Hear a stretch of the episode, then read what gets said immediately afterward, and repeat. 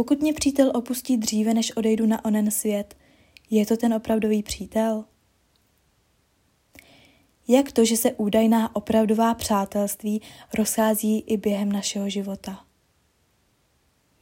O kolika přátelí za náš život tvrdíme, že jsou to ti opravdoví, ti nejlepší? A jak vůbec poznáme toho opravdového přítele? Existuje snad nějaký seznam vlastností, které by měl mít a vzorec chování, podle kterého by se měl chovat?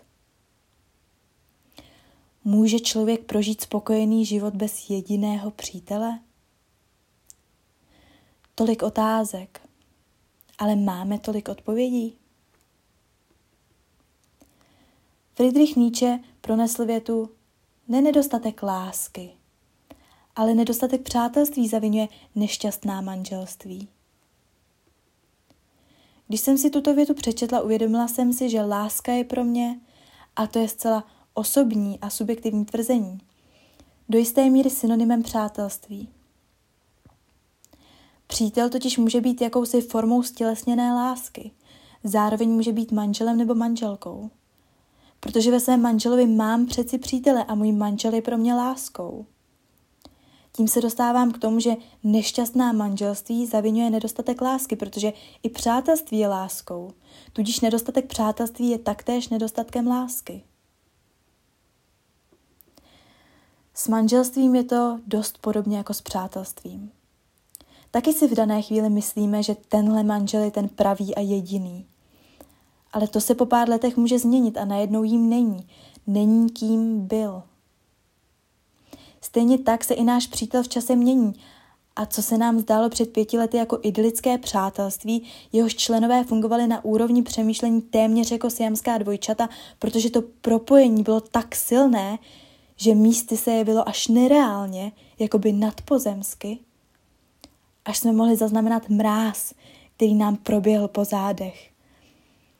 Někdy to člověka až děsí. Jednoho dne může nastat situace, kdy si člověk uvědomí, že to spojení už tam není.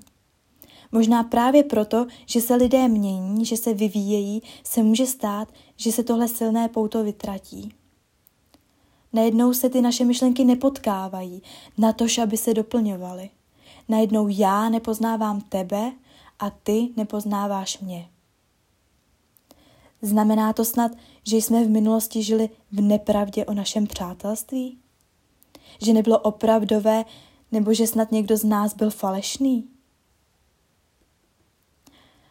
Myslím si, že ne. Myslím si, že to, že si dnes nerozumíme, neznamená, že by naše minulost nebyla opravdová nebo že by jeden z nás nebyl dostatečně upřímný. Jen jsme se oba začali ubírat jiným směrem a naše cesty se postupně rozešly.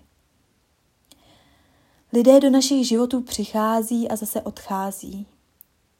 Věřím, že každý člověk je součástí našeho života tak dlouho, dokud nám má co předat, nebo my jemu. A když se jedná o přítele, jsem si jistá, že jsme si toho měli hodně co předat a že jsme si toho i hodně předali. Jinak by to přeci nebyl náš přítel. Koho a proč si vlastně volíme za přítele? Opět se bude jednat o čistě subjektivní domněnky, protože jsem si vědoma toho, že priority každého z nás se jisto jistě liší. Mezi naše nároky bude pravděpodobně patřit názorová podobnost. Chceme někoho, kdo s námi bude schopen vést debatu na naší intelektuálně mentální úrovni a tudíž není na škodu, pokud náš přítel má na některé oblasti jiný názor. To vytváří prostor pro výměnu argumentů a ne pro pouho pouhé bezmyšlenkovité přitakávání či papouškování. Tohle debatování vede k rozšiřování obzorů a tedy osobnímu růstu. Nesmí chybět smysl pro humor, který je naladěný na naši notu. Lidí, kteří nechápou naše vtipy až přes příliš. A jejich počet nemusí navyšovat i náš přítel, že? Upřímnost je samozřejmost. Nikdo přeci nechce přítele, který lže. Měl by být ochoten pro nás riskovat. Nemusí rovnou nasazovat svůj holý život. No, mohl by, Postačí, když třeba neřekne pravdu, když to bude závažná situace vyžadovat. Neříkám ovšem, že by měl lhát, lhát se nemá, to by nebylo morální. Ale není vlastně přátelství jakýmsi přestupkem morálna? Neměl by právě ten přítel být tím, kdo nám pomůže zakopat mrtvolu? Přátelství je vlastně jeden velký risk a hřích. Už jen tím, že si vzájemně prozrazujeme věci, které nikdo jiný neví, riskujeme.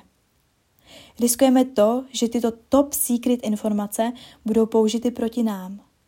Ale věříme tomu druhému natolik, že se stejně svěříme. Odhalujeme před ním naše já bez jakýchkoliv přetvářek. A to zcela přirozeně. Vlastně jsme před ním nazí, úplně nazí. Metaforicky, ale možná i fakticky. Náš přítel by se měl radovat z našich úspěchů a smutnit z našich neúspěchů. Měl by chtít pomstit všechny naše ex, kteří nám zlomili srdíčko. Měl by se nejprve škodolibě smát, když zakopneme a spadneme, a až potom nám podat pomocnou ruku. Rozhodně by se s námi měl dělit o jídlo. O jídlo se nedělíš jen tak s někým, ale u kámoše, u toho uděláš výjimku. V neposlední řadě by náš potenciální přítel měl mít ještě jednu věc, kterou považuji v podstatě za nepopsatelnou. A přestože ji zmiňuji jako poslední, je tou nejdůležitější. Je to něco, co způsobí to, že to klikne. Něco jako energy match. A je tedy vůbec možné, aby člověk prožil spokojený život bez přítele? Někde jsem četla větu, bez stavu se dá žít, bez přátelství nikoli. Autora si bohužel nepamatuji. Musím říct, že si opravdu dokážu představit život bez partnera, ale život bez jediného přítele nikoli. Je víc než možné, že existují jedinci, kteří nemají přátele. V tom případě bych ale pochybovala o spokojenosti jejich bytí. Považuji za skoro nutné zmínit přátelství i v souvislosti s výdobytkem moderní doby, tedy internetem a sociálními sítěmi. Spekuluje se, zda jsou sociální sítě spíše přínosem pro mezilidskou komunikaci či naopak, zda lidé kvůli online světu omezují ten offline. Možné je jistě oboje, avšak za sebe mohu říci, že díky onlineu jsem poznala spoustu zajímavých lidí, vedla spoustu zajímavých konverzací a dozvěděla se spoustu zpětné vazby na témata, která tam často otevírám. Je ale možné, aby to výše zmíněné kliknutí proběhlo i přes internet s naprosto cizím člověkem? Řekla bych, že je to velmi vzácné, ale z vlastní zkušenosti mohu říct, že ano. Jednou se mi opravdu stalo, že toto internetové kliknutí proběhlo a v reálném životě se potvrdilo. Může mít člověk více než jednoho opravdového přítele? Existuje snad nějaký limit? Myslím si, že člověk může mít tolik opravdových přátel, nakolik dokáže být sám opravdovým přítelem.